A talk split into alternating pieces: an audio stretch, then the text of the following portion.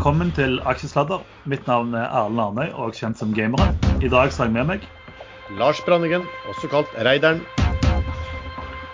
Erlend Henriksen, vanligvis kalt Jalla-treneren. eh, Velkommen til Teknisk analyse spesial. Vi har òg med oss en gjest som faktisk kan teknisk analyse. Geir.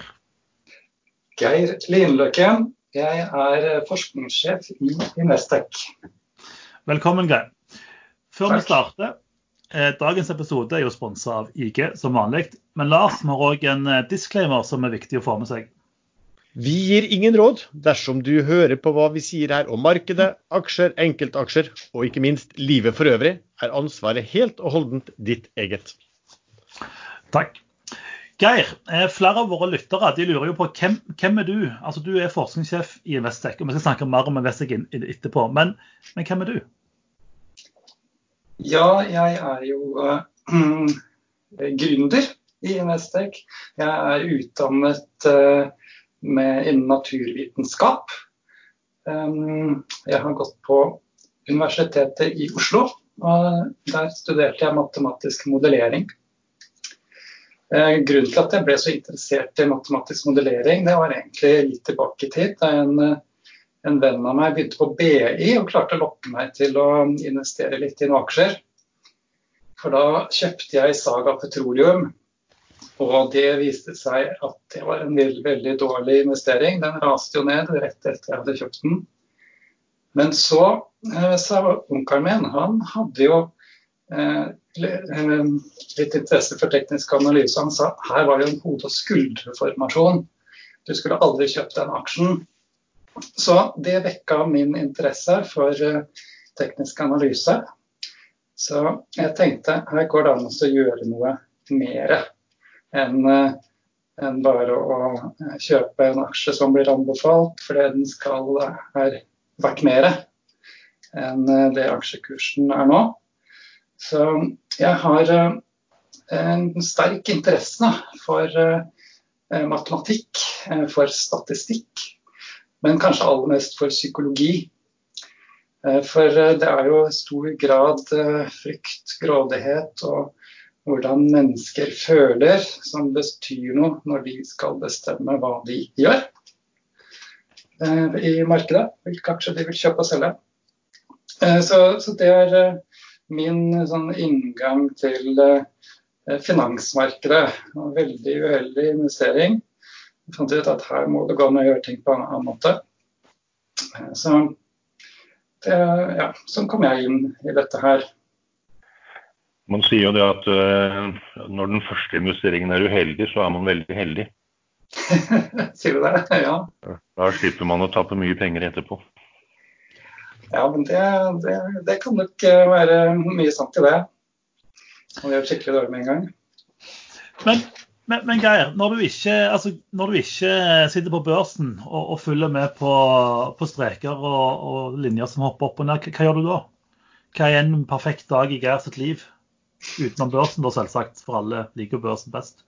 Ja, det er, det er jo veldig gøy å jobbe fortsatt, særlig når man kan eh, ha en så spennende jobb som jeg har. Men eh, etter hvert som jeg har eh, blitt litt over 50, så ser jeg jo det at livet har andre verdier. Ikke minst familie og barn. Men eh, sånn fritidsinteresser, så er jeg veldig glad i friluftsliv. Eh, jeg har vært mye ute i naturen. Eh, Sånn i vinter har det jo vært eh, fantastisk å gå turer i Østmarka. Det er ikke alle som syns denne vinteren har vært så fantastisk. Det har vært dårlig med skiføre, men i hvert fall vært veldig fint å gå turer. Mm. Um, jeg er også glad i å padle. Og nå sitter jeg jo på hjemmekontoret mitt, da, som sikkert eh, mange andre. Jeg ser utover et flott vann. Så det blir eh, ofte en padletur på ettermiddagen. Hender det at eh, hvis du har hatt en litt dårlig børsdag, at du bare setter deg i kaken og padler en time for å lufte hodet? Ja, det er en perfekt måte å takle det på. Ja. Bare bære kajakken ned til vannet og så ta seg en runde. Investec. Eh, flere her har jo hørt om Investec, og mange har nok ikke hørt om Investec. Hva er Investec? Vi er et eh, privat, uavhengig selskap som eh, selger aksjeanalyser. skriver aksjeanalyser, eh, men kanskje aller mest forsker på teknisk analyse og kvantitativ analyse. Så vi gründa selskapet i 1997. Det er jeg som er hovedgründer. Jeg har jo hatt med meg mange dyktige folk. Asbjørn Taubøl, som er seniorforsker og IT-ansvarlig, har vært med helt fra starten. Ellers har vi mange dyktige folk nå med stort sett av naturvitenskapelig bakgrunn. I hvert fall de som sitter på systemutvikling, algoritmeutvikling og selve analysene. Vi har eh, kontorer på Kjeller, der er forskningsavdelingen og analyseavdelingen. Så har vi kontor på Lysaker til salg og support. Eh, ellers så har vi ansatte i India, litt utvikling, og Sverige, analyse. Um, men vi selger jo disse analysene til mange land. Norden er vårt hovedmarked. Men vi har analyse av nesten hele verden. Rundt 30 000 eh, aksjer som vi analyserer hver eneste dag. Hvordan eh, har algoritmer påvirket algoritmehandelen, som har blitt mer og mer på børsen, hvordan har den påvirket uh, teknisk analyse? Jeg vil jo tro at den algoritmehandelen kanskje prøver å frontrønne kursmål og både opp og ned? Ja, det er, vi har vært med nå da i 23 år, så det har vært en veldig utvikling eh, innen algoritmehandel på de årene. Um, så Det som vi ser, det er at det er særlig på kort sikt, eh, aller mest intradag, at eh, det er mye algoritmer som kan være eh, ja, utfordrende. Så, så, vi tenker det at daytrading det er fryktelig vanskelig. I hvert fall så ikke, har ikke vi satset på så høyfrekvent handel. Så våre analyser går mer på type ukes, ukesnivå eller månedsnivå. Altså, vi har en anbefaling i dag vi tenker kan være en god investering på la oss si, 1-6 måneders sikt. Eventuelt neste én til to uker, hvis det er noe som, det som vi kaller trading-ideer. På sånn veldig kortsiktig trace, det, der har vi i hvert fall sett at uh, det, det, lett kan komme konkurranse med algoritmer. Sånn at det er vanskelig å få for private investorer å tjene penger, uh, penger der. Det er vår, vår erfaring i hvert fall. Men eh, er det også riktig at algoritmer faktisk er basert på teknisk analyse på samme måte, men at det går mye fortere og mye kortere intervaller? Ja, det er jo det er veldig mange eh, måter man kan gjøre teknisk analyse på. Eh, men noen av de er jo veldig, veldig enkle formler som man kan bruke kursutvikling siste timen f.eks. eller siste to timer for å se hvilken trend er det? Er det fem minutter RSI, er den høy? Eh, skal den reagere ned igjen? Eh, da kan algoritmer kaste seg på. Så det er, eh, det er nok en del algoritmer som har teknisk analyse i, i bunn. Men der, teknisk analyse er et veldig stort felt, egentlig. Det er jo mange hundre indikatorer som man eh, har beskrevet i teknisk analyselitteratur. Og som fins i programpakker som eh, noen tilbyr, som kan gjøre teknisk analyse. Så vi tenker at det, det er vanskelig å, å, navigere i denne jungelen. Uh, men det viktigste som, som, vi tenker, er at uh, um, på litt sikt så viser teknisk analyse det det de psykologiske svingningene da, i markedet. Hvor, hvilke, hvor, er optimismen økende? Og hvor begynner kanskje å danne seg litt redsel for at kursene har gått for mye eller skal ned. Litt mer langsiktige svingninger hos investorene. Og der er det mindre algoritmer. Og der tenker, tenker vi da at man kan ha god nytte av Investex analyser å gjøre med en tradisjonell teknisk analyse. Har du lyst til å fortelle litt om hva type forskning dere driver på med? Ja, um, vi har jo helt siden starten og før starten av Investec, så har vi lagd uh, algoritmer som gjenkjenner mange av disse mønstrene som man ser etter i teknisk analyse. Så en av de, kanskje aller mest sentrale, det er jo trend, eller trendkanal. Så i våre chart for alle aksjene på Oslo Børs og mange andre børser, så identifiserer datamaskinene hver dag den beste trenden som i best mulig grad da beskriver hvordan eh, investorene tenker nå. Det er i hvert fall det som eh, er målet med det. Eh, og når man da har identifisert en trendkanal eh, og har la oss si, 20 års historikk på det, hver eneste dag så har vi identifisert trendkanaler i alle aksjene på Oslo Børs så kan man si kanskje var det 10 000 tilfeller der en aksje lå i en stigende trendkanal, og 8000 tilfeller der en aksje lå i en fallende trendkanal. Hva skjedde de neste, den neste uka, de neste tre ukene eh, med disse aksjene? Var det noen forskjell statistisk mellom de som lå i stigende trendkanaler og de som lå i fallende trendkanaler? Så i og med at dette er helt automatisk, det er algoritmene, datamaskinene, som sier og definerer om dette her er, denne trendkanalen er stigende eller fallende for den aksjen, så er det jo da helt objektivt, og så kan vi gjøre statistikk. Så akkurat dette med stigende og fallende trender, det har vi sett mye på. Så hvis dere vil høre de forskningsresultatene med en gang, så kan jeg godt uh, fortelle det. Ja, jeg syns det er spennende. Så og siden jeg er programleder, så bestemmer jeg, så Ja, så bra.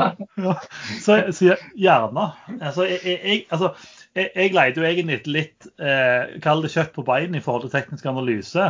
Eh, og veldig mange av de som jeg, jeg har en del venner som bruker mye teknisk analyse, og de er liksom bare Yes, endelig blir du kanskje frelst, du òg. Eh, så jeg, jeg, jeg, jeg syns det er spennende å høre. Altså at det faktisk finsk forskning som på en måte bekrefter at dette fungerer. Så bra.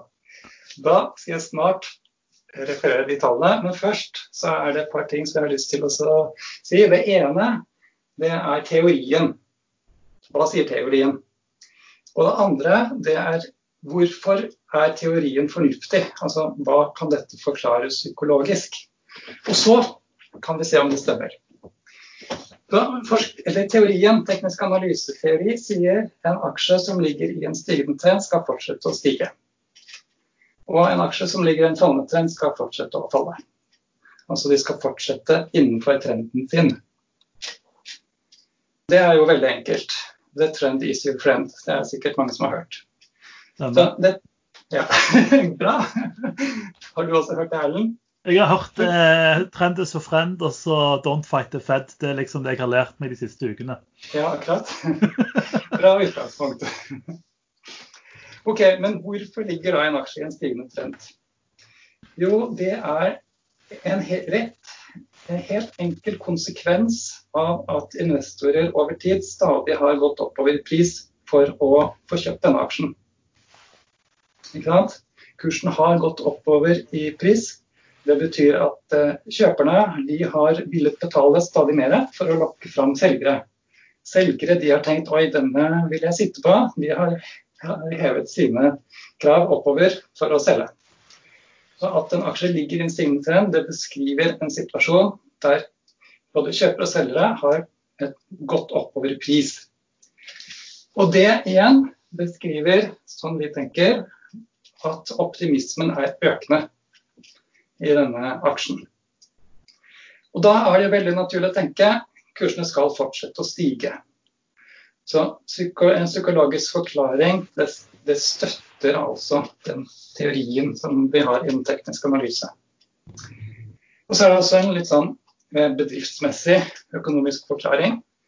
Og det går på det at eh, selskaper de utvikler seg litt i sykler. Så har de først fått én kontrakt, så kan de lettere få en ny kontrakt. Og så er de inne i en god eh, periode. Og utviklingen varer ofte mye lenger da, enn det mange investorer tror. Så aksjemarkedet er jo uh, i stor grad sånn framfor det som skjer i bedriftene. Men uh, det viser seg at det skjer ofte ting, ting varer ofte mye lenger da, enn mange investorer tror.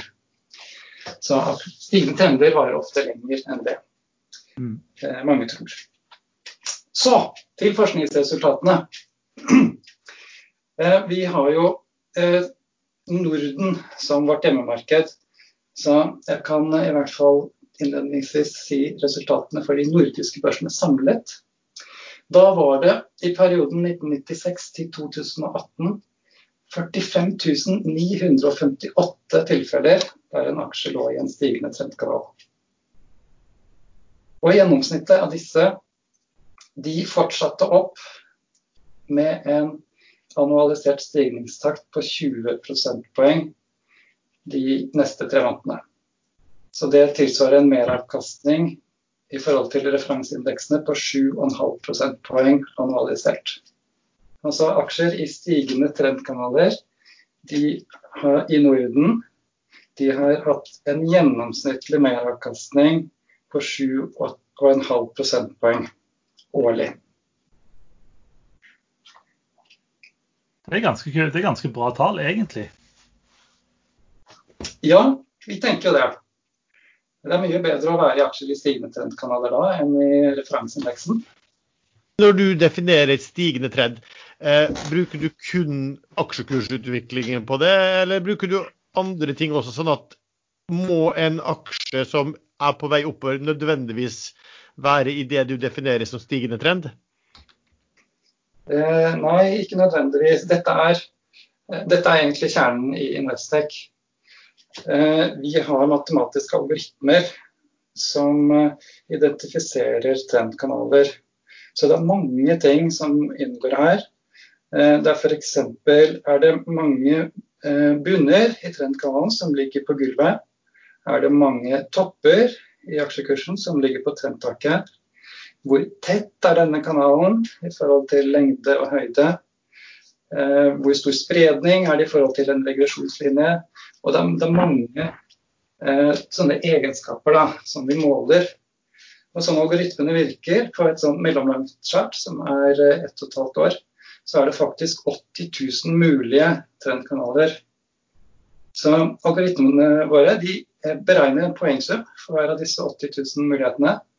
Og den med høyest score, det er den ene som vi da sier best beskriver aksjens trend akkurat nå.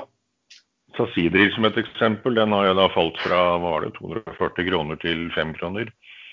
Eh, og selv om den skulle finne på å stige fra 5 til 15 kroner eh, og gå tregangeren, så vil den fremdeles ligge da innenfor den fallende langsiktige trendkanalen.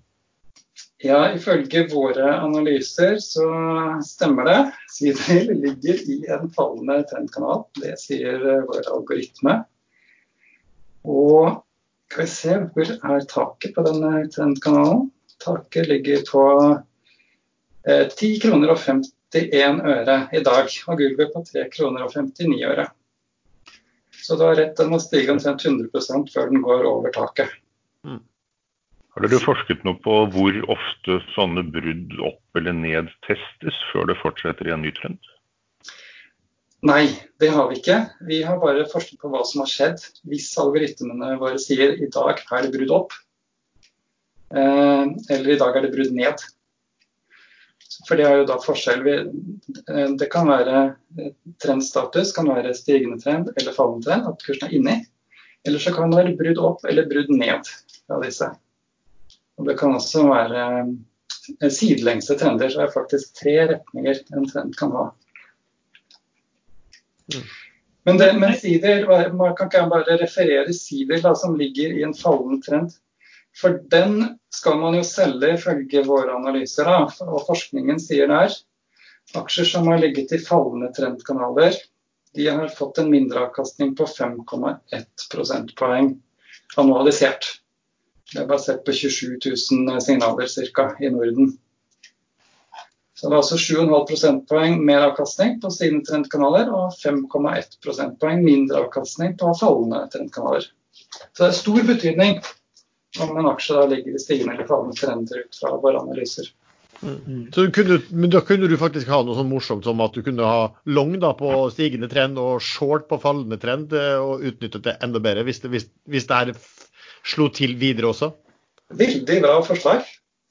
Så det, vi har noe som vi kaller hold deg unna-portefølje. Vi, vi, tenker det er vanskelig å shorte på Oslo Børs, ja. muligheter, men, men, i hvert fall det kan, det kan være en god strategi. Ja, ja men tenker, jeg tenker også Oslo Børs er en ting, men siden du, dere går gjennom så vanvittig mange aksjer, så gjør dere helt sikkert det også på aksjer som har så, så høy likviditet at, at, du kan, eh, at, du kan både gå, finne, finne, nok aksjer som både går long, og, og, som du skal gå short i, basert på stigende fallende trend. Ja, det, det, stemmer det. Altså, trend, Trender er et veldig spennende begrep. Men Geir, eh, før vi forlater forskning eh, ene, altså jeg, jeg, kan jo litt om te teknisk analyse, og jeg har fått meg RSI er jo på en måte noe som brukes mye. Eh, og så ble jeg fortalt at dere har drevet og forska litt på dette, fordi RSI er jo enten overkjøpt eller oversolgt osv. Eh, og det har dere forska på på en måte sett hva som faktisk, hva tid det lønner seg å kjøpe i forhold til RSI. Stemmer ja, det?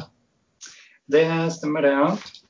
Med RSI så, så er det jo sånn at når RSI stiger over 70, så regnes den som overkjøpt.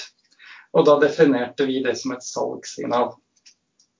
Og så definerte vi tilsvarende kjøpssignal når RSI falt under 30, og da ble regna som oversolgt. Så så vi hva som hadde skjedd da med aksjer. Så de som da var overkjøpte, det var 36 043 tilfeller på de nordiske børsene. De skulle altså da falle ifølge teorien, men gjennomsnittet av disse litt over 36 000 tilfellene ga at de steg videre med en årlig stigningstakt på 22,5% Og det var 9 prosentpoeng mer enn referanseindeksen. Så de som altså var overkjøpt, og som ifølge klassisk teknisk analyseteori mange tenker bør selges, de fortsatte å stige, og de steg mye mer enn referanseindeksen. Så vi tenker Det er en veldig veldig vanlig feil mange investorer gjør. Forståelig nok. De selger aksjer som er overkjøpt. Men vår forskning sier at det er helt feil. De fortsetter å stige og stiger mye mer enn andre. Kan det være litt sånn, Geir, kan det være litt sånn psykologisk, eh, som at mange gjør de eh, selger aksjer som de ligger i pluss på? Ja. For der har de tjent pengene, de, de, tar igjen pengene, og så blir de sittende i aksjer de har eh, i tap på. Eh, ikke sant? For at de vil hente igjen. Eh, tror du det er litt av samme liksom, tankegangen der, eller? Ja, er det, er det sånn mange føler, tror jeg, eller tenker? Jeg tror nok at det, det har jo vært noen forskning på det som viser at man er ganske uh, At man er litt redd, at mange er redd for å ta tap, da, og derfor blir de sittende på de aksjene de taper. Mens er, det å ta gevinst er litt mer sånn fristende. Ja. Eh, jeg, jeg tenker at det er, det er, veldig mange som gjør sånn. da. Det er lettest å ta en gevinst på 10 da Klarer man å lukke inne denne handelen, så er du veldig fornøyd med at du har, har uh, hatt en gevinst der. Um, og så Kanskje da går du heller inn i en aksje da, som har reagert litt ned, um, med håp om at den skal, også skal stige 10% Så kan du få en ny god handel. Men Har dere, for, har dere forsket på altså i forhold til RSI, da, hvor, hvor lenge skal du sitte med denne overkjøpte aksjen? Hva tid er på en måte sweet spoten for å selge? da? Ja. De tallene jeg refererte nå, det var basert på hva som skjedde de neste tre månedene. Omregna til analyserte tall. Ja. Så, eh, det var altså 9 prosentpoeng meravkastning på aksjer som var overkjøpte, som da hadde gitt salgssignaler. Um, de som var oversolgte, da, de som hadde falt, hadde RSI under 30, de fikk en mindre avkastning på 6,2 prosentpoeng. Så de gjorde det mye dårligere enn markedet. Så det er altså helt motsatt av teorien. Mm. Men hva som er optimal å sitte på, det, eh, det er litt vanskelig å si, altså. Um, så dette var basert på tre måneder. Jeg kan bare se på grafen her. Ja. Det, det, er faktisk Nå sitter jeg med skjermen, men det er faktisk ganske lineær utvikling i de neste tre månedene etter eh, at RSI gikk over 70. Da.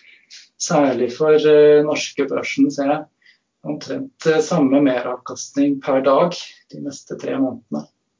De siste, eh, for så vidt Siden sommeren så har det vært eh, Jeg har jo da kallenavnet Jalla-kongen. og Det er fordi jeg liker disse aksjene som, som egentlig ikke har noe grunnleggende verdi, underliggende verdi. Eller de har egentlig ingenting med saken å gjøre. De bare, drar, de bare går og går. Ja. Det kan være aksjer som Idex ligger nå an til å begynne å gå igjen, men nå er det litt fundamentalt bak. Men ta, ta Norwegian, som lå på over fem kroner, selv om alle visste at her kommer det en emisjon langt under fem kroner. Eh, den kom på én krone. Kursen ramla da til 1,50, og nå er den på 4,20 nå. Den var oppe i nesten fem kroner i dag tidlig. Ja. Eh, Kan man forklare dette også med teknisk analyse, eller må man da eh, ned på psykiaterplan for å se ja, det måtte psykologen hvis jeg skal kunne forklare det. videre. psykopatplan? Ja, jeg tror nesten det. Um, si det. Um, det, er, det, det er, dette er mer kortsiktig enn det vi har forska på. Um, og hvorfor ting skjer. Det, det er jo en, det er mye som kan forklares med hvordan psykologien svinger. Da. Men akkurat sånn Norwegian, hvorfor den eh, står i fem kroner når emisjonen var på én, det, det kan du ikke forklare med teknisk analyse. i hvert fall. Jeg har en eh, teori som vi kaller vakuumteorien, der disse aksjene eh, fra emisjonen, det var noen få som kom nå. Eh, veldig mange aksjer blir konvertert, og de kommer ikke før utpå høsten. Så, så selskapet trades på dagens antall aksjer. Ja. Eh, og det, har jo det er jo selvfølgelig galskap. Eh, hvis man regner market cap på NAS på fem eh, kroner, og nå husker jeg ikke hvor mange milliarder aksjer det er, det er vel nesten fire totalt, da er vi oppe 15-20 milliarder kroner i market cap. Mm. Det er jo ikke selskapet verdt. Jeg syns dette er veldig rart, da, at Norwegian stiger ikke faller mer. For det er jo så massivt negativt, det som kommer fram i media. Men likevel så er det mange investorer som kjøper disse aksjene. da. Vi, vi ser det, vi jeg satt og så senest i dag på aksjonærlisten. Det man ser at det er retail-investorer. og Det er helt klart også at du ser at det har kommet veldig mye svenske retail-investorer inn i selskapet.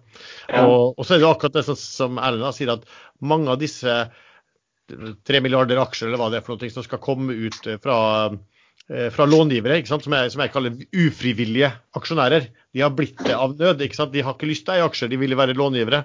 Eh, men de har jo ikke fått de aksjene ennå, eh, eller i, i svært liten grad. da, de Og de blir frigitt da, litt i, eh, litt i juni, vel, og så er det stort sett i eh, august, og oktober og desember de kommer.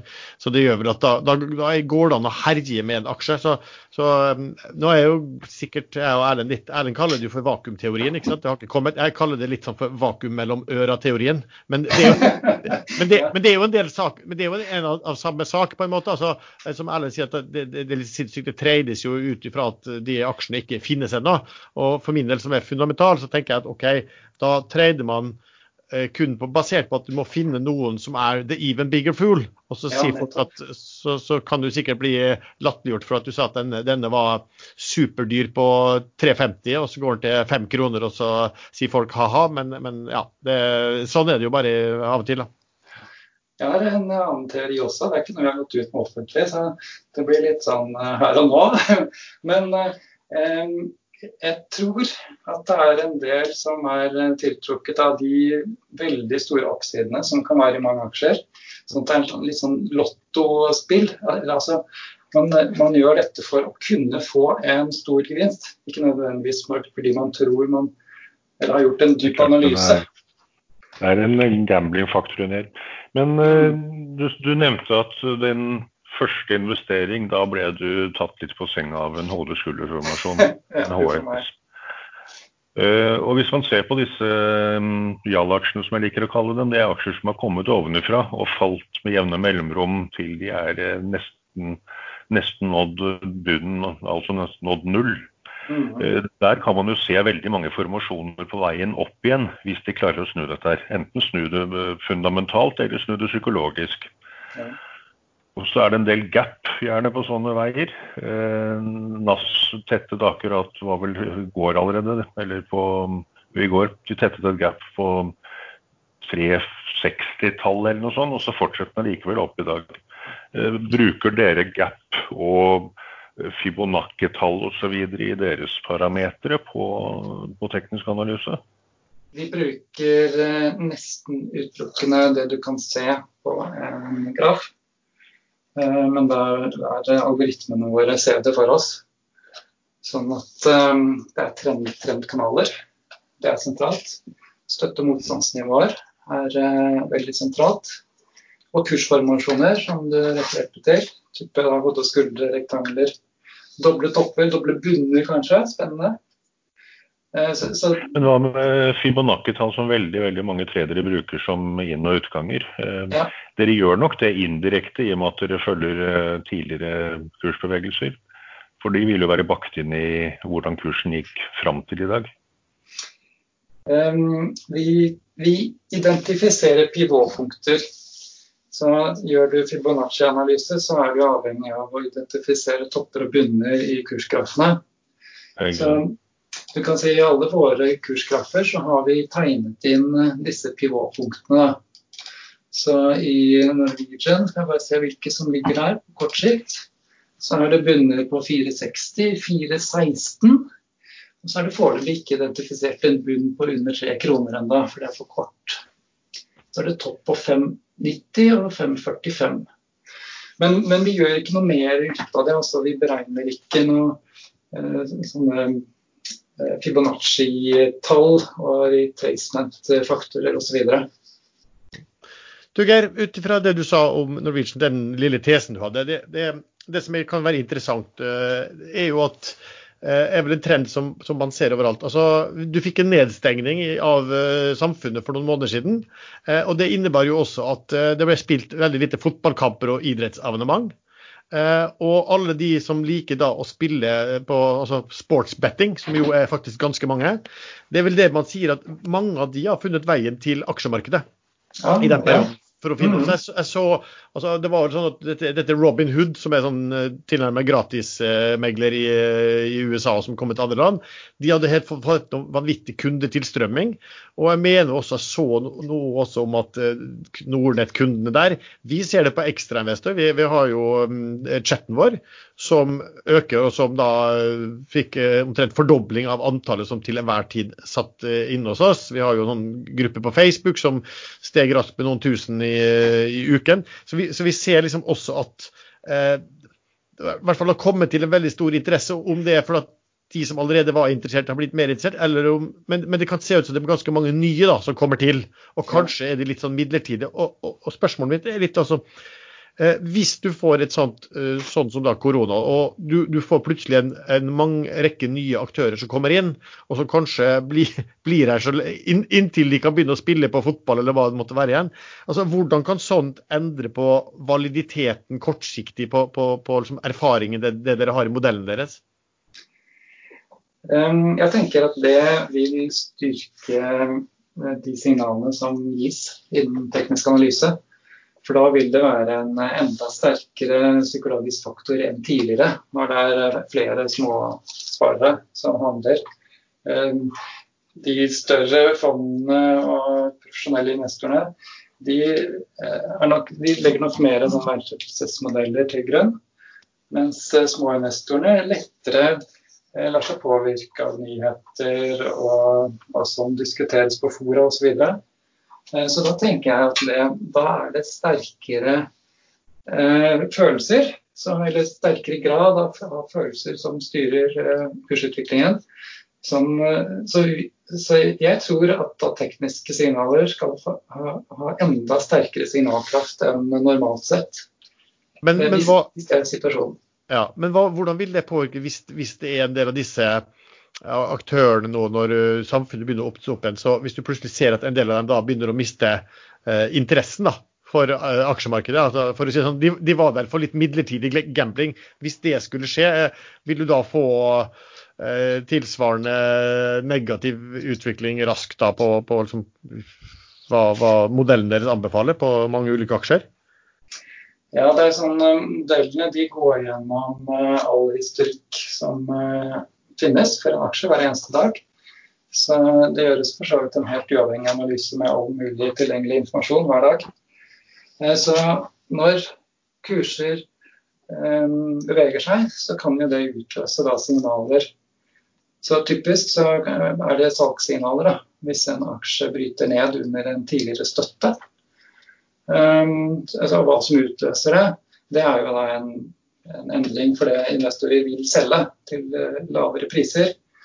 Um, så uh, litt, vanskelig å si hvordan det vil påvirke markedet hvis en del nye er inne nå skal ut igjen. Men um, det er en endring i psykologien, og endringer oppfattes jo av i sjakene. Men hvis man ser på Jeg har alltid sagt at jeg tror på teknisk analyse så enkelt begrunnet som med saueflokkmentaliteten. Mm. At når det er gode tider, så følger man bjellesauen, og plutselig kommer det en ulv, og så løper alle i hver sin retning. Og det gjør de gjerne samtidig. Men så har jeg også sagt at f.eks. jordskjelvet i Kobe på 80-tallet eller 90-tallet eller hva det var, det kunne man ikke forutse ved teknisk analyse. og da ryker jo mange av disse modellene. Da får plutselig hele markedet en knekk ned, eh, helt overraskende. Ja. Eh, er du enig i det? At det er, ja. Eh, da må man sette nye parametere for å jeg er helt enig i at det, det, vil komme fundamentale store nyheter, type kriser, nå og da. Ikke minst korona. Eh, så, jo, men korona, korona, kom jo litt krypende. Ehm, jeg solgte alt i januar, og jeg var ikke den eneste som gjorde det. Eh, det var en hel måned for tidlig. Eh, men man må jo ha vært ganske blind hvis man ikke skjønte at dette før eller siden kommer til å berøre aksjemarkedet. Når hele Kina stenger ned og Italia stengte ned. og Det var først etter, lenge etter at Italia stengte ned at aksjemarkedet krakket. Ja, det kan du si, så det var mange som var blinde der. Det var nok mange som tenkte at ja, dette her det er noen små greier. Det har vi kontroll med her. Men i i ettertid så ser man jo sånne ting mye lettere. Men, men, det som er poenget mitt, da, det kommer til å skje. Det kommer til å skje nye overraskelser. Nye fundamentale eller makroting som man ikke, ikke har mulighet til å vite om på forhånd. Og da vil, eh, vil jo det gi skarpe eh, endringer, skarpe fall i markedet, som modellen ikke kan forutse. Så, For modellporteføljen som dere kjører, den fikk seg vel en eh, knekk langt under referanseindeksen i begynnelsen av året, men dere har nå tatt den igjen, mener jeg å ha lest? Ja, det stemmer. Den modellporteføljen falt litt mer enn eh, referanseindeksen da markedet falt mye. Eh, men så har den også nå steget mer når eh, markedet har kommet tilbake. Og det, det som vi har sett nå, da, det er veldig spesielle situasjoner her. Så at markedet har falt 30% på en uke, nei, en måned, det, er, det har skjedd fire eller fem ganger tidligere her. Alltid blitt fulgt av en god oppgang. Men sånn situasjonen er nå, da, så er det fortsatt mange som er um, teknisk negative på mellomlang sikt. Mens de da, mange aksjer også har begynt å bli positive på kort sikt. Så nå tenker jeg det er kjempe, kjempegodt uh, gode muligheter til å gjøre stockpicking. Man kan se på innsiderne, innsiderne hvor har styremedlemmer og direktører kjøpt. Det er en indikasjon på at her er det eh, her har det kanskje vært en overreaksjon. Eh, aksjene de lever gjennom denne krisen her. Det er tøft nå, men eh, neste år og fremover så, så, går det bra igjen. Så, så, har vi en indikasjon da fra innsidekjøp på at de er fundamentalt sterke, og at de har falt for mye. Eh, I tillegg til kortsiktige tekniske signaler nå, når det har begynt å gå oppover, som viser at her er optimismen økende. Nå begynner investorer å kjøpe disse aksjene igjen. Så f.eks. DNB er en sånn type aksje. Eh, tror du selv at dere vil se det i tekniske signaler til høsten før eventuell ny eh, bølge nummer to kommer?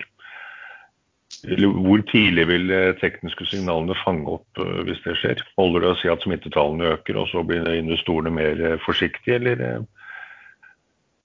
Det som, det som vi måler med teknisk analyse, det er jo hvordan investorer reagerer på dette her. hva den samlede investormassen tenker. Så hvis eh, eh, investorer begynner å selge igjen fordi de frykter at eh, dette tar lengre tid og det får større konsekvenser for bedriftene, så, så vil jo det komme til uttrykk i kursene. Um, og det som, i hvert fall det som historien har vist, det er at de fleste sånne endringer de går ikke fra en dag til en annen, men de går over uker og måneder. Så da vil noen være tidlig ute, noen kommer etter, og så eh, tar det forskjellig tid da, for forskjellige grupper investorer. Det er litt avhengig av hvilke faktorer de legger vekt på. Men, men det som er, eh, hvis det er tilfellet, som det i hvert fall veldig ofte har vært historisk, da kommer det noen salgssignaler. Og så faller kursen litt til, og så kommer det enda noen salgssignaler. Og så får man kanskje en fallende trend da, etter hvert.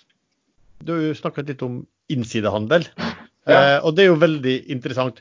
Eh, men det, det, er slik at dere har gjort noen forskninger på, på det også? Ja, eh, det har vi. Og det er mye pga. det at eh, vi ikke gjør noe fundamentalanalyse. Og Vi tenker at det er egentlig veldig viktig å, og vite litt om selskapet også. At dette ikke er bare luft, men at det faktisk har noe substans.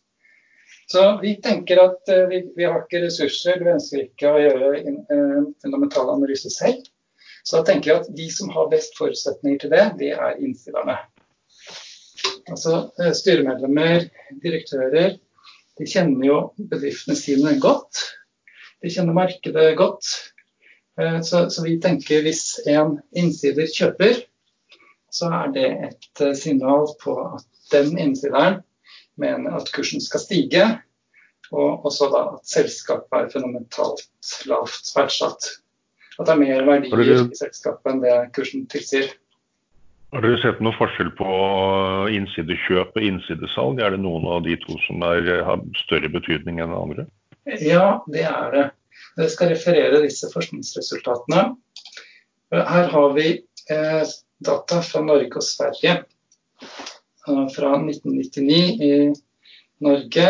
Og så Til sammen var det da 11.322 tilfeller med innsidekjøp i norske og svenske aksjer. Og gjennomsnittet av de aksjene de steg med 16,3 prosentpoeng på analysert basis. Og det tilsvarer 7,1 prosentpoeng mer avkastning i forhold til referanseindeksen. Um, så det var altså aksjer med innsidekjøp. 7,1 prosentpoeng mer avkastning. Mens hvis det har vært innsidesalg, så har det vært 3,0 eh, prosentpoeng mindre avkastning. Men likevel, de steg da. De steg med 8% på årlig basis. Så selv om de, steg, de Eh, selv om det var innsidessalg, så steg aksjen i snitt, men da mindre enn eh, andre aksjer. Mm. Så det som det ser ut til, da, at innsidekjøp er et sterkere signal enn et innsidesalg er et salgssignal. Det kan være forskjell på det i en oppadgående trend istedenfor en nedadgående trend. Og nå ligger jo indeksene stort sett i opp oppadgående trender. Kan det ha noe innflytelse? Eh, ja, det har det. det, har det. Eh, vi har sett at det har vært en overvekt, eller flere innsidekjøp når, etter at aksjer har falt, enn etter at de har stiget. Så det er nok eh, mange innsidere som handler når de tenker at uh, markedet har straffa aksjen for mye. Det er ikke grunnlaget for denne, denne store kursfallet, så jeg går inn. Mm. Den uh, skal stige. Men tror du, Jeg har, jo, jo sittet i, i selskap selv som har uh, falt dramatisk på børsen når, det, når, oljeprisen falt. Tror du at også at det kan komme, altså innsidekjøp kan også i noen tilfeller være pga. press? For det, det, jeg vet at Når aksjekurs faller, så blir gjerne disse topplederne uh, oversvømt med sure og sinte aksjonærer på hvorfor, hvorfor faller kursen så mye, og hvorfor kommer det ikke med gode nyheter, og hvorfor ditt og datt. Og, og slik at en del Eh, kjøper aksjer eh, litt for å nesten støttekjøpe litt? Ja, jeg tror nok det er det. Um, og det er um, innsidekjøp også som del av insentivordninger. Sånn at mm. det er på en måte tvunget, tvungen handel. Eh, så, som, som de tenker, så er det, det er en, et innsidekjøp det er liksom ikke én eller null. Det er en, en viktighet fra null til 100. Mm. Eh, så vi tenker at for at et innsideskjøp skal være viktig, så skal det først, for det første ikke være resultat av en insentivordning. Det skal ikke være til rabattert kurs. Det er mm. uinteressant. Mm. Det, det, teller ikke med. Eh, og det bør også være av en viss kroneverdi. Er det 10 000 eller 20 000, så er det for lite. Ja. Eh, men sist, det bør også ha betydning sånn relatert for innsideren. Er det Fredriksen som har for en milliard i et selskap og kjøper for en, et, en million til, så er det veldig liten betydning for han. Mm. Men hvis det er et nytt styremedlem som går inn med en million kroner, da er det viktig. Mm. Jeg, ser, jeg, ja, jeg tenker også at du, det du også kan få altså En ting er press, annen ting er at du kan av og til få innsidekjøpere av ledelsen. Altså, det, alt, det, hadde vært artig å sett om det var noe eh, relasjon mellom innsidekjøp og, og bonuser. Ja. Eh, ikke sant? For styret er alltid glad i en, en toppleder som, som, kjøper aksjer, ikke sant?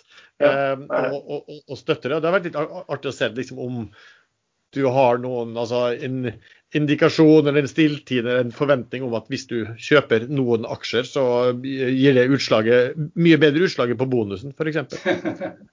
ja. Men vet, har, har, har, du gjort noen altså Det som har vært artig, bare, jeg vet ikke om det kan spille noen rolle, men vet du om det har gjort noen undersøkelser eh, forskjellen mellom innsidekjøp gjort av eh, de som jobber i selskap, altså ledelsen, kontra de som sitter i styret? Eller, jeg vet du om du har gjort noe forskning, noe splitt på det? Jeg kjenner ikke til det. Vi har ikke gjort det selv. Mm. Vi registrerer jo tittelen eller stillingen til den innsideren, men vi har ikke kategorisert det. Så vi har ikke splitta det opp og sett hva som skjer før når direktører kjøper kontra styremedlemmer. Mm. Men, men, du sier du har dataen, så du kan forske på dette? ja, vi, vi har, har, det. Um, hvis vi bare klarer oss å få lagd en algoritme som sier at CEO og CFO og finansdirektør og alle disse tekstene som da beskriver direktører, det er en kategori. Mm. Altså andre tekster som beskriver styremedlemmer, det er en annen kategori. kategori. Mm. Så det er, det er muligheten. Så det er spennende, spennende innspill. Takk for det. Vi, vi, vi, tar en liten pause, og så lar vi sponsoren få lov å si det de skal si, og så er vi straks tilbake. Dagens sponsor IG.com.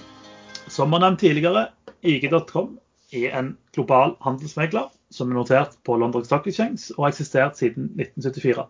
På IG kan du handle et stort antall aksjer, bl.a. innenfor teknologi. Utenfor aksjehandel kan du også handle på valuta, råvarer og indekser. Hos IG kan du ta posisjon på deres egne fangindeks, volatilitetsindeks og mye mer. Dersom du vil åpne konto hos ig.com, så kan du gå direkte på i.com og åpne konto, eller følge linken som ligger med podkastbeskrivelsen. Velkommen tilbake. Eh, Geir, eh, en ting sikkert flere av våre lyttere nå lurer på, det er Vi har jo sagt mye om forskning. Eh, Fins disse forskningsresultatene noen plass? Ja, Eh, det gjør det. Vi er jo veldig opptatt av det, at eh, forskningen skal være tilgjengelig for kundene våre spesielt. Ja. Eh, så vi har skrevet mange forskningsrapporter og forskningsartikler.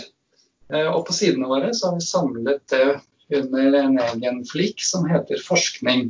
Så det er veldig lett å finne fram til Eh, disse resultatene som jeg nå refererer, ved bare gå inn på Investtex eh, hjemmesider, altså på forskning. Så, så når, den, når, den, nye rapporten på en måte om styreleder og, og C-level og sånt og innsidekjøp kommer, så finner man det om alt som andre år? Ja. ja.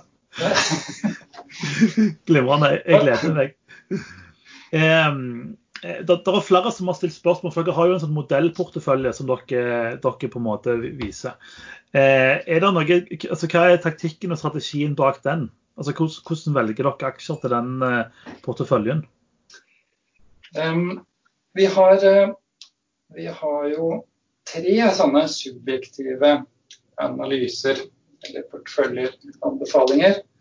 Um, Og Det ene er modellporteføljen, og det andre er trading-ideene. Så jeg tenkte kanskje er det greit hvis jeg bare forklarer strategien og tankegangen med de to? Ja, det går helt fint. Ja, og Utover det så har vi da en sånn morgenrapport hver dag med dagens case. og så to-tre aksjer som gjerne kan være gode kjøp eller, eller farlig å sitte på nå. Med, med gjerne klare kjøps- eller salgsanbefalinger hver dag. Da. Ja. Men modellporteføljen, eh, strategien med den, det er å bruke eh, de psykologiske svingningene i markedet til å kjøpe aksjer som står foran en opptur. Eh, og da bytte på aksjer, sånn at man hele tiden sitter i aksjer som da skal stige ut fra teknisk analyse. Eh, og vi bruker jo da den biten av teknisk analyse som vi har forskning på, som viser at dette har fungert i praksis. Eh, og tanken er at vi da har en portfølje med sju-åtte aksjer som har en risiko på linje med Oslo Børs eller andre børser som vi også har modellportefølje i. Eh, men som da har tekniske forhold eller kvantitative forhold som statistisk tilsier at de skal gjøre det bedre. Så Vi prøver altså å ha samme risiko som børsen, god sektorspredning, eh, men da aksjer med egenskaper som sier at de skal stige. Har dere noen kriterier til disse aksjene? Market cap eller uh, tilsvarende? Ja, vi prøver å ha aksjer som omsetter for minst 2 millioner kroner om dagen. Kan i enkelte tilfeller gå ned til 1 million. Men de fleste de har nok eh, sånn minst 5 eller 10 millioner kroner i daglig omsetning. Så tanken er at dette skal være aksjer som da er eh, enkle å handle for eh, vanlige private investorer.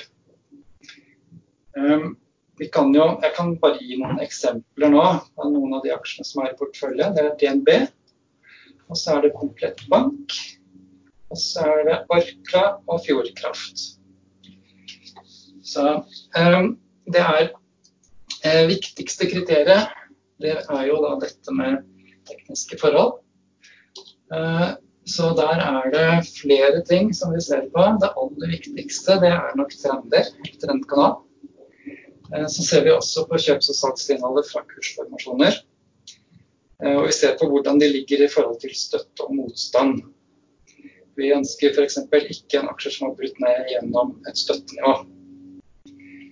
Eh, og så er tanken sånn da, the trend is your friend og let your profit run. Som jeg var litt inne på innledningsvis. Aksjer som har steget, de fortsetter gjerne å stige. Stiger mye lenger enn mange investorer tror. Så da blir det gjerne at noen aksjer de blir liggende lenge i porteføljen. Så gir de 20 eller 30 eller 50% avkastning bare å holde. De blir gjerne da beholdt lenge. Men så skjer det jo stadig vekk at eh, vi kjøper eh, aksjer som eh, ikke går som gjennomsnittet, men at de da heller faller. Og da går de gjerne fort ut. Så det er veldig basert på denne teknisk analyseteorien, eh, men da absolutt backet opp av forskningen som jeg har gjort. Og helt motsatt av det vi så på RSI. da. En aksje som er overkjøpt, det er gjerne en aksje som vi kan ta inn i porteføljen. Mens mange kanskje vi har, selger Vi har en på ekstrainvestor som eh, sier at han takker eh, formuen sin deg. Han lærte å trade langsiktig av deg. Uh, og han sitter lenge. Han rir trendene. Ta et eksempel med det som heter Vov nå, Scanship før. Ja. Den kjøpte han på to-tretallet, mener jeg det var. Og satt over alle toppene hvor andre sa at den aksjen er jo altfor dyr, og den må man selge. og han ikke brød seg om det fundamentale, men fortsatte å ri den fordi den gikk og gikk. Eh, ja. Og da han var oppe på 3-24 kroner, da fikk han streng beskjed fra folk på Exia om at nå må du i hvert fall selge, for da begynte den å falle. Eh, men han sa nei, jeg selger ikke før den har falt til under 18, da selger jeg. Jeg husker ikke om det var 18 eller 1850. men ja. Så han har forholdsdefinerte prosentfall ut fra der hvor den ligger, mener jeg det er han Ja. jobber med. Eh, Så faller det da til eh, 1870, så sitter han helt i ro. Eh, Og selv om det begynner å stige etter at den har eh, sluttet under hans eh, utgangskurs, så selger han uansett. Jeg er bare inne og ser på chartet nå til eh, og den eh, ga jo kjøpsignal den fra en stor rektangelformasjon i kursdiagrammet vårt. Det var helt i begynnelsen av 2017. Og siden det så har den stort sett ligget i en stigende trendkanal. Så det har jo vært i stjerneeksempel. Hva var kursen på i 2017? Den var én krone. Cirka én krone. jeg mener det var 200 000 av den på 1,78. Ja, riktig. Den lå lenge på ca. 1,78. Akkurat, ja. Ja, ja, det var en bra, bra salg sikkert, Hvis men dere eh, hadde kjøpt signal da, så burde jeg nok ha abonnert på en stikk, Ja. Men, men, men Erlend, du, du har jo en historie om å selge ting litt tidlig. Altså, så det er jo ikke første Jo. gang. Men eh, jeg, jeg er så utålmodig, så det er derfor jeg har spesialisert meg på Jalla-aksjene, som tar eh, sånne oppganger som Vov i løpet av tre dager. Ja, men det hender jo du selger de òg tidlig, dessverre. Jo, det, det gjør det, altså, men eh, det er Akkurat nå er. Kongsberg Automotive, Ko- KOA, eh, som har satt en emisjon på ti øre. Eh, kursen falt til 50 øre eh, den første dagen det var mulig, og nå er den på 68,30 øre. I dag er den da opp 9,41 selv om den ligger eh, nesten syv ganger emisjonskursen. Og Den har et gap opp til 1,35, og den tror jeg at jeg skal gjøre et lite forsøk på, på å bli med opp til. Ja. Der hadde vi forresten eh, Vi vi kommer med et sånt nyhetsbrev som heter Børsekstra, som går til ca. 11 000. Og i dag så skrev vi I dag så tok vi opp KOA i den, eh, med henvisning til en artikkel i Finansavisen. Eh, For det er jo en del som shorta, bl.a. Ketil Skorstad shorta jo den aksjen. Eh, Og da var vel kursen Ja, de, de Finansavisen trodde vel den kanskje var på 1,50 eller et eller annet sånt. Og, men det interessante var at han, han, han ble liggende short over at aksjen gikk X. Sånn at når de satte emisjon, så rakk ikke disse, han og flere, de rakk da tydeligvis ikke å selge aksjen før den X. Så nå så sitter han jo med, med eh, mål, og må levere tilbake disse aksjene. Men de, han er også tvunget til å levere tilbake eh, det antallet han shorta ganger 7,2 til, eh, eh, til altså Han må kjøpe tilbake 7,2 ganger så mange til, til å levere tilbake igjen til de som har lånt han aksjene. Og, og, og de må han jo han har jo solgt aksjene, ikke sant? de har solgt aksjene, så de har jo ikke noe tegningsretter. Eh, så de må jo ut i markedet og skaffe seg disse eh, 7,2 ganger så mange aksjer som de opprinnelig eh, hadde solgt.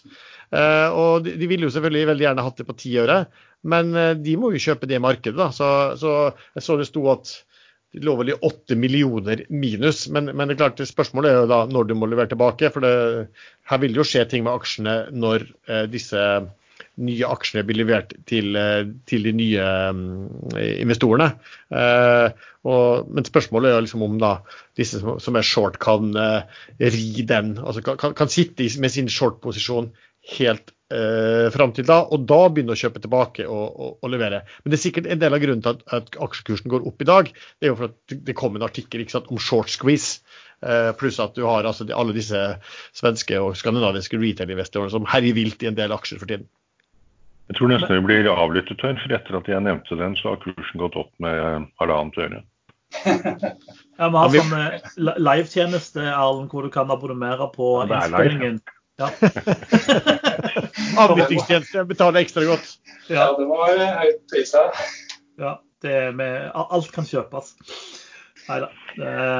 Men eh, et, det har kommet et annet spørsmål. Eh, og det er jo ganske aktuelt i disse dager, for mye aksjer går jo veldig godt, mens mange aksjer går dårlig. Eh, noen rapporterer om porteføljer som er all time high, andre griner over at det er veldig rødt. Eh, har dere noen verktøy for å finne på en måte gode kjøpsmuligheter ut fra disse signalene dere, dere Geir? Ja, det har vi. Så eh, jeg tenker det aller viktigste grunnlaget der, det er at hver eneste aksje den får en teknisk poengsum. altså en teknisk score. Den går fra en skala, på en skala fra minus 100 til pluss 100. Så helt enkelt så kan man da bare sortere aksjene på denne tekniske scoren. Så har du de sterkeste øverst, og så har du de svakeste nederst. Um, vi har, for, abonnenter så har vi en egen meny som heter stockpicking. Så da er det forskjellige motorer da man kan bruke. Men den er kanskje mest uh, viktigste og best uh, valget. Det heter aksjeutvelgelse. Så Der kan man da sortere på denne scoren, men så kan man sette andre kriterier i tillegg. Vi kan f.eks. kreve at, den, eh, at, aksjene er positive på innsidehandler. For da har vi i utgangspunktet at eh, hvis den er teknisk positiv, så er de eh, optimismen, optimismen er økende og kjøpsiveren i markedet er stigende. Så da er timingen god. Og så kan vi i tillegg kreve at eh, den er positiv på innsidehandler. Da kan man tenke at den er fundamentalt billig. Så hvis vi har de to kriteriene, så kan man da få en liste med, med aksjer. Så nå skal jeg bare gjøre det her nå mens jeg sitter og prater. Bare se hvor mange aksjer som matcher. Um, hvis vi sier teknisk positive, og det skal ha aksjer Det skal handles for hva skal vi si, 5 millioner kroner om dagen minst, eller 2 millioner, da er det 46 aksjer nå på Oslo Børs som er positive til alle disse tre kriteriene. Kult. Og det er tilgjengelig for alle, alle som uh, abonnerer hos dere? Det er ikke sånn en ekstra dyr tjeneste, det er bare en del av standardabonnementet dette? Ja, Vi har tre abonnement. så Det er investor, trader og professional. Og dette produktet det er et professional produkt. Ja. Men det er standard, standardprodukt. da. Men dere har ikke noe som oppdateres live i løpet av en børsdag? Jeg ser Nei. noe som heter Trade Trading View, de har det hvor det pilene flytter seg fra kjøp til selv. Men jeg har aldri brukt det selv, jeg har bare registrert at de har det. Ja, nei, Vi er nok litt mer langsiktige enn det. så Som handel intraday, der har vi ikke noe direkte eh, verktøy, egentlig. Men vi kan ha jo kortsiktige signaler og candlesticks. Så som typisk eh, indikator som sier at den skal stige i morgen, den skal stige neste uke. Mm. Um, et spørsmål fra en annen. Nå har dere modellportefølje, men dere hadde traderporteføljen i mange år. Hvorfor ble den tatt bort?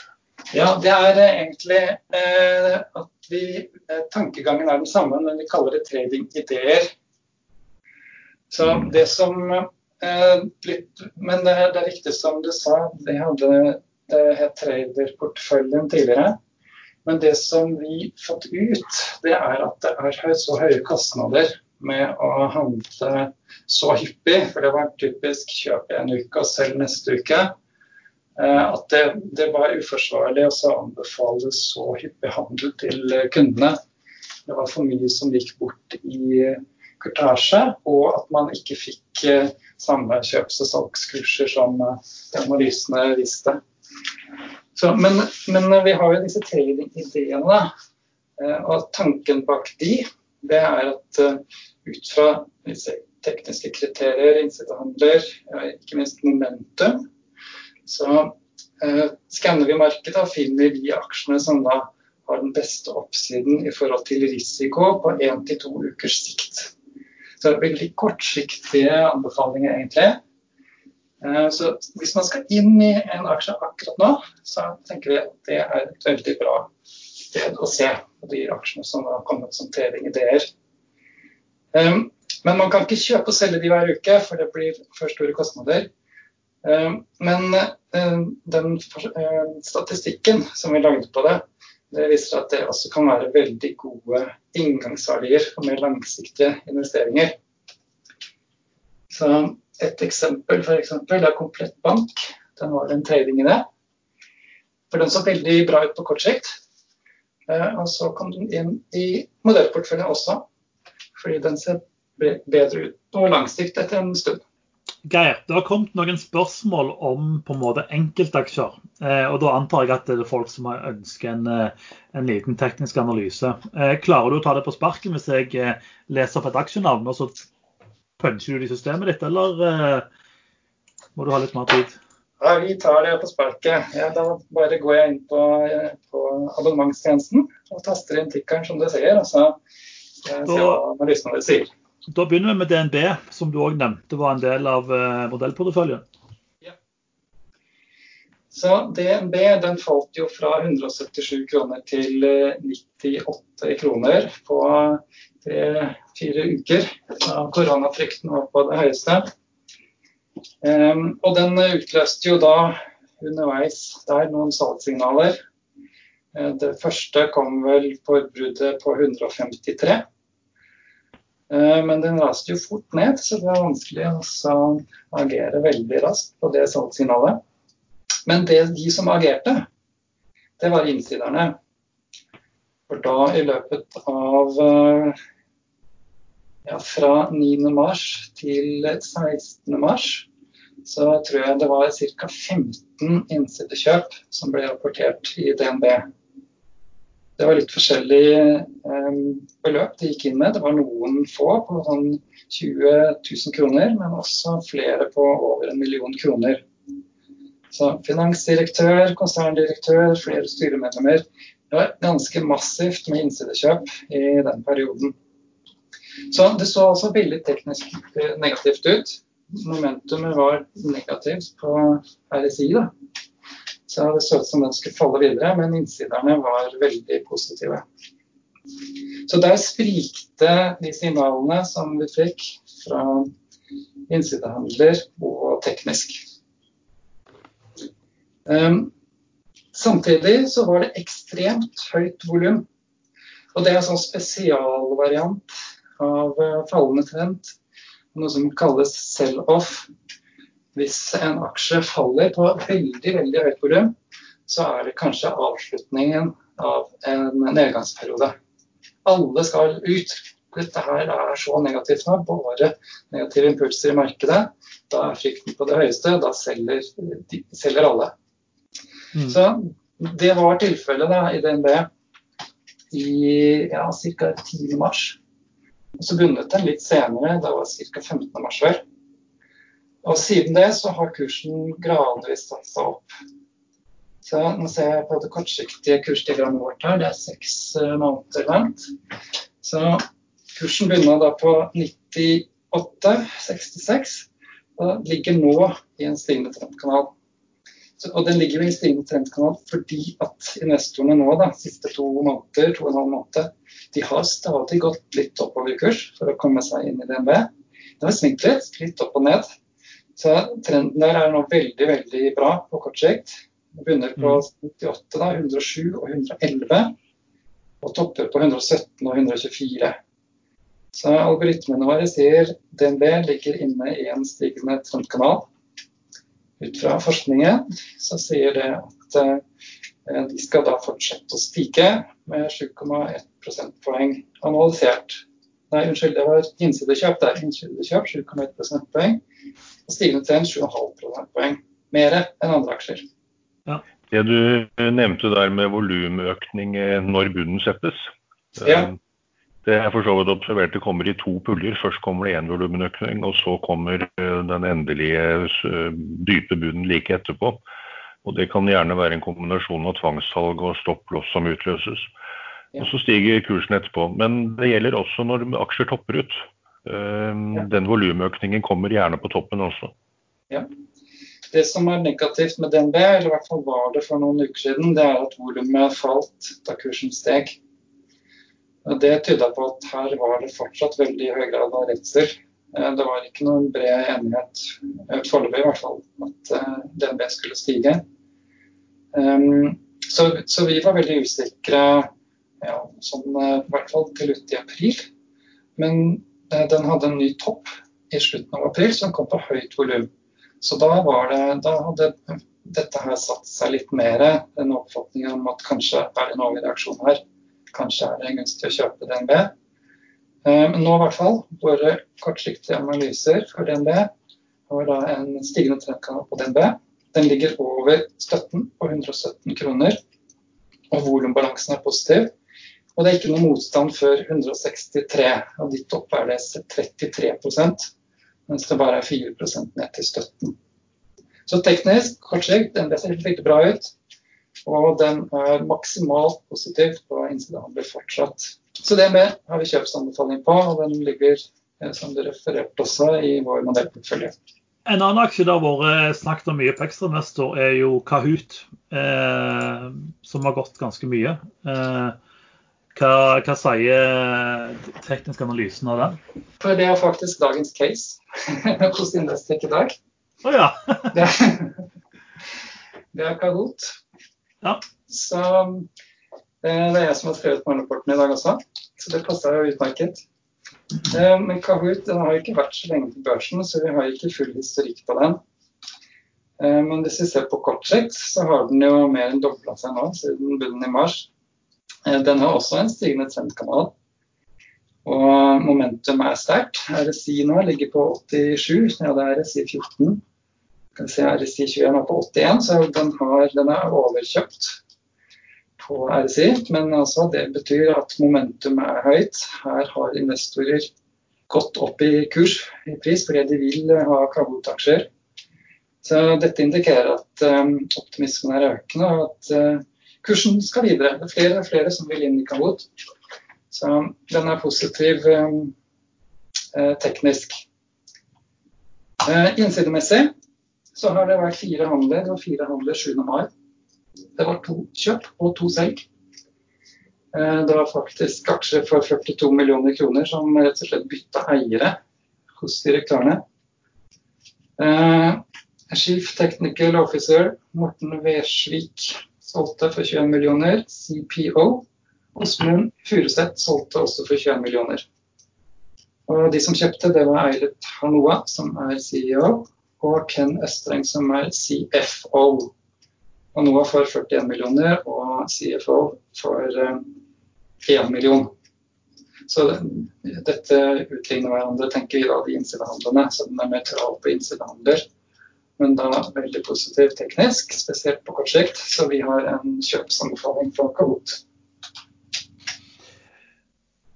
Bra. Som skal vi, har fått en del spørsmål på en del sånn eh, biotek og olje og sånt, men det hopper jeg bare over, for de er så fundamentalt påvirka at eh, jeg syns iallfall analysen er mindre verdt der. Jeg vet ikke om du er enig eller uenig, men det er jo flere som har spurt om Bergen Bio bl.a. Men der venter man jo på en, på en, ganske stor fundamental nyhet som på en måte enten dobler kursen eller halverer kursen. Men, men, men hva, sier, hva, sier, hva, hva, sier, den tekniske analysen på Bergen Bio? Jeg er litt enig til det du sier først. da. Her er det ja man fundamentale nyheter som eh, vil ha avgjørende betydning. Ja. Eh, men det er, jo det er jo psykologi i spill, og investorer reagerer jo på, på det allerede i dag, hva de forventer. Ja. Eh, vi kan ta den opp her, så vi får se. Den har steget en god del i det siste, den også. Den begynner på 12 kroner ca. Nå ligger den over 40. Så Eh, den er veldig volatil og veldig risikabel aksje, dette her. Eh, høy risiko. Den svinger med, eller har svingt med 36% på månedsbasis. Den har veldig høy risiko i Bergen Bio. Um, ut fra chartet som den ser ut nå, så er den positiv. Uh, men det er nok uh, jeg tror det er litt det med det du sier, at det er litt farlig å legge for mye vekt på det psykologiske her nå, når så mye avgjøres av eh, hvordan det går med forskningen de holder på med. og testresultater. Jeg mener jo at det er litt vanskelig å bruke teknisk analyse på aksjer hvor på en måte egentlig alt står og faller på resultat, eller ikke resultat, for å si det sånn. da. Ja, på, på, ja. på, DNB så, så, funker det kanskje bedre, fordi det er, det er, en større aksje som på en måte ikke står og faller på hvert uh, kvartalsresultat, men med mer hvordan de driver osv. Ja, men uh, Eh, en annen aksje som er interessant, det er jo XXL. Ja. Eh, og den er jo på en måte ikke så drevet av eh, fundamentalt. gjerne litt pga. korona og sånt, men, men, den er jo litt mer spennende å se på teknisk, tenker jeg. Ja, ja. Um, så vi bare starter på langsiktig charter. Da. Så toppa jo den på 92 kroner ca. tilbake i 2016. Uh, og siden det så har det egentlig vært en lang nedtur. Eh, så den lå jo i en fallende trendkanal på chartet vårt lenge, og lå også i hold deg unna-porteføljen. Så det er aksjer som vi mener man eh, ikke skal kjøpe. Det kan være vanskelig å shoppe de, men man bør i hvert fall holde seg unna de. Eh, nå For der, eh, der kommer det om eh, noen, Jeg husker ikke hvilken dag, men en av de nærmeste dagene så kommer det femkroners emisjonsaksjer ut i markedet der. ja, det er også en sånn aksje som nesten gikk konkurs og måtte ha påfyll. Og så blir det emisjoner til veldig lave kurser. Mm. Men det var jo var vel en del som tegna seg i den emisjonen av innsiderne også. Jo, og CEO kjøpte jo en stor post på over ni kroner, eller ni kroner et eller annet. Pluss at de som ikke hadde aksjer den dagen, de har da kunnet kjøpe tegningsretter i markedet, og de har vel også da en snittkurs på rundt 10. Ja. Det, det, har i hvert fall vært uh, en del innsitter som har kjøpt, så nå ligger kursen langt over det. Så det er litt vanskelig kanskje å legge for stor signalverdi i, i det nå. Uh, men sånn teknisk da, så har den brutt en fallende trend på mellomlang sikt. Og den har innledet en stigende trend på kort sikt. Så det algoritmene våre sier nå, det er at eh, XXL er eh, meget positiv teknisk på kort sikt. Den har en score på systemet vårt på 92, og det er veldig høyt. Um, mens på mellomlang sikt der er den fortsatt uh, svakt negativ. Og så sier systemet i tillegg det er ekstremt høy risiko i XXL. Når systemet sier det er høy risiko, hva er det han legger til grunn for å på en måte altså finne og definere risikoen? Det er to ting vi ser på. og Det ene det er likviditeten. Så hvis, er, eh, hvis en aksje omsettes lite, så er det vanskelig å komme seg ut. Særlig da, hvis det, det går ned. Så det øker risikoen. Eh, så typisk hvis den omsettes for under en halv million kroner, så er det, er det høy risiko, likviditetsrisiko. Ja. Um, men i XXL sitt tilfelle så er jo likviditeten bra. Den siste måneden har den vært omsatt for 40 millioner kroner om dagen. Uh, så der er det volatiliteten, altså hvor mye den svinger. Så den har svingt på 41 i gjennomsnitt på månedsbasis. Ja, det er jo en sånn aksje som typisk kanskje tiltrekker seg en del som ønsker en rask gevinst. Um, men uh, risikoen for stort fall er jo absolutt uh, høy i XXL. Mm. Så høy risiko, men også da høy oppside. Mm. Og Det henger jo sammen med det mye mange folk leter for tida. Det er jo hvor er det høy oppside og hvor er det risiko. Bruker du dere å vurdere indekser også? Ja, vi har analyse av uh, indekser også. Ja, for det hadde vært artig å, å høre hva dere ser på som, som på SMP 500 i USA og på OBX i, i Norge. Ja, skal vi se. SP 500. Den falt fra hvis jeg har riktig her, 3386 til 2237, kan det stemme? Står nå i 2955. Det ser sånn ut. Ja. Den har jo hatt, eh, eller har støtte motstandsbånd mellom 2840 eh, og 2940. Og ligger nå rett over der. Så det betyr at det ble gitt et eh, kjøpsignal på den for en ukes tid siden. Da den brøyt opp gjennom 2940, se her. Så på kort sikt så ligger SMP 500 i en stigende trendkanal. Det indikerer da at optimismen er økende hos investorene og at kursen skal stige videre på kort sikt. På mellomlang sikt så er det ikke noe klar trend nå. Eh, langsiktig så er den jo, der er den jo flott inne i stigende trendkanalen igjen, som den har ligget i de siste fem årene. Så det ser egentlig ganske bra ut for eh, SMP 500. Men det, det, er bare så vidt den har brutt opp, da, så det er ikke så mye som skal til av negative nyheter før dette nøytraliseres. Og hvis den bryter under 2820, så vil det være salgssignal igjen. Mm. Mitt inntrykk er at uh, indekser og store aksjer har lagt seg akkurat der hvor de kan enten bryte ganske langt opp og sette ny all time high i løpet av sommeren, eller uh, at det kommer et nytt krakk. Det er sånn enten-eller-situasjon nå. Det er jeg helt enig i. Det er um, vi har også følelsen av det. Eh, og jeg syns det er veldig vanskelig å gi klare analyser sånn på helt kort sikt, på indeksnivå. Mm. Men, men, det som er veldig bra med markedet nå, det er at aksjene de deler seg eh, omtrent i tre. Det er en tredjedel som er veldig positive, og så er det en tredjedel som er veldig negative, og så er det en tredjedel som er nøytrale. Eller det gjelder i hvert fall Oslo Børs sin del. da. Mm. Så da, det, da har man muligheter til å sitte i den riktige tredjedelen. Mm. Ut fra teknisk analyse, i hvert fall. Hvis man klarer å finne de. Men uh, det er der man, det man ser veldig mange, veldig mange altså jeg, jeg tror på en måte investorene er godt delt i de tre gruppene. for Som, som vi snakket om før, mange mellom porteføljer som all time high, andre mellom store røde tall, og noen, eh, noen sitter i ro. Nå har vi jo snakket om Investec eh, hele sendingen, siden du er fra Investec. Eh, og da sier at mange av våre lyttere som har lyst til å prøve Investec, er, er det noen måter de kan prøve, prøve det på? Ja, det, det, er jo veldig hyggelig hvis eh, dere som hører på har lyst til å prøve Investec og tjenestene våre. Da kan dere jo for alle aksjer på børsen og Skandinavia, som er stort sett verden, se hva analysene sier. Og prøve også disse stockpicking-verktøyene. Så vi, eh, vi har lagd en bestillingside bestillingsside der dere kan få prøve gratis da, i to uker. Eh, da kan dere gå til investtech.com, investtech med to t-er og CMA, slash xi. Så kan dere tegne dere da for et prøveabonnement i to uker. Veldig, veldig spennende. Vi takker til alle som har lytta på episoden. Eh, vi håpet dere lærte mye. Eh, jeg har iallfall fått et helt nytt syn på teknisk analyse. Eh, så jeg syns dette var en gøy episode å være med å lage. Eh, for de som ønsker å diskutere mer teknisk analyse med oss, komme til med tilbakemeldinger eller klage på hvor fæle vi er, så er vi jo tilgjengelig på kanalen Aksjesladder på Ekstrainvestor. Eh, vi har òg en gruppe på Facebook som heter podkasten Aksjesladder. Eh, eventuelt på Facebook-gruppa Børsforum. Musikken i dagens sending er lagd av kjass.com. Og ikke minst, husk å gi oss fem stjerner på Apple Podkast. Det betyr at flere ser episoden vår, den kommer høyere på rankingene, og flere kan eh, bli flinkere på børs. Takk for at du lytta, og så snakkes vi neste gang. Vi på Ekstrainvestor har i flere år sendt ut et nyhetsbrev kalt Børsekstra, med oppsummering av nye anbefalinger fra meglerhus, interessant stoff fra media og betraktninger som f.eks. dagens OBS. Eh, I dag har vi over 11 000 registrerte abonnenter på det. Eh, og det går ut og leses daglig av storforvaltere, analytikere, meglere, journalister samt små og store privatinvestorer.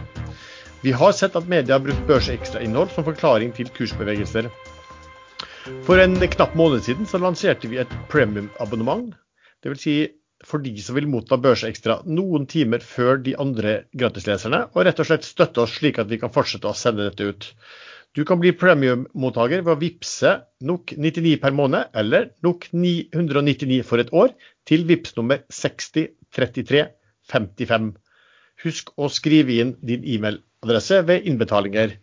Hvis du vil betale per bankkonto, så kan du bare sende oss en eh, e-mail til info.ekstrainvestor.com.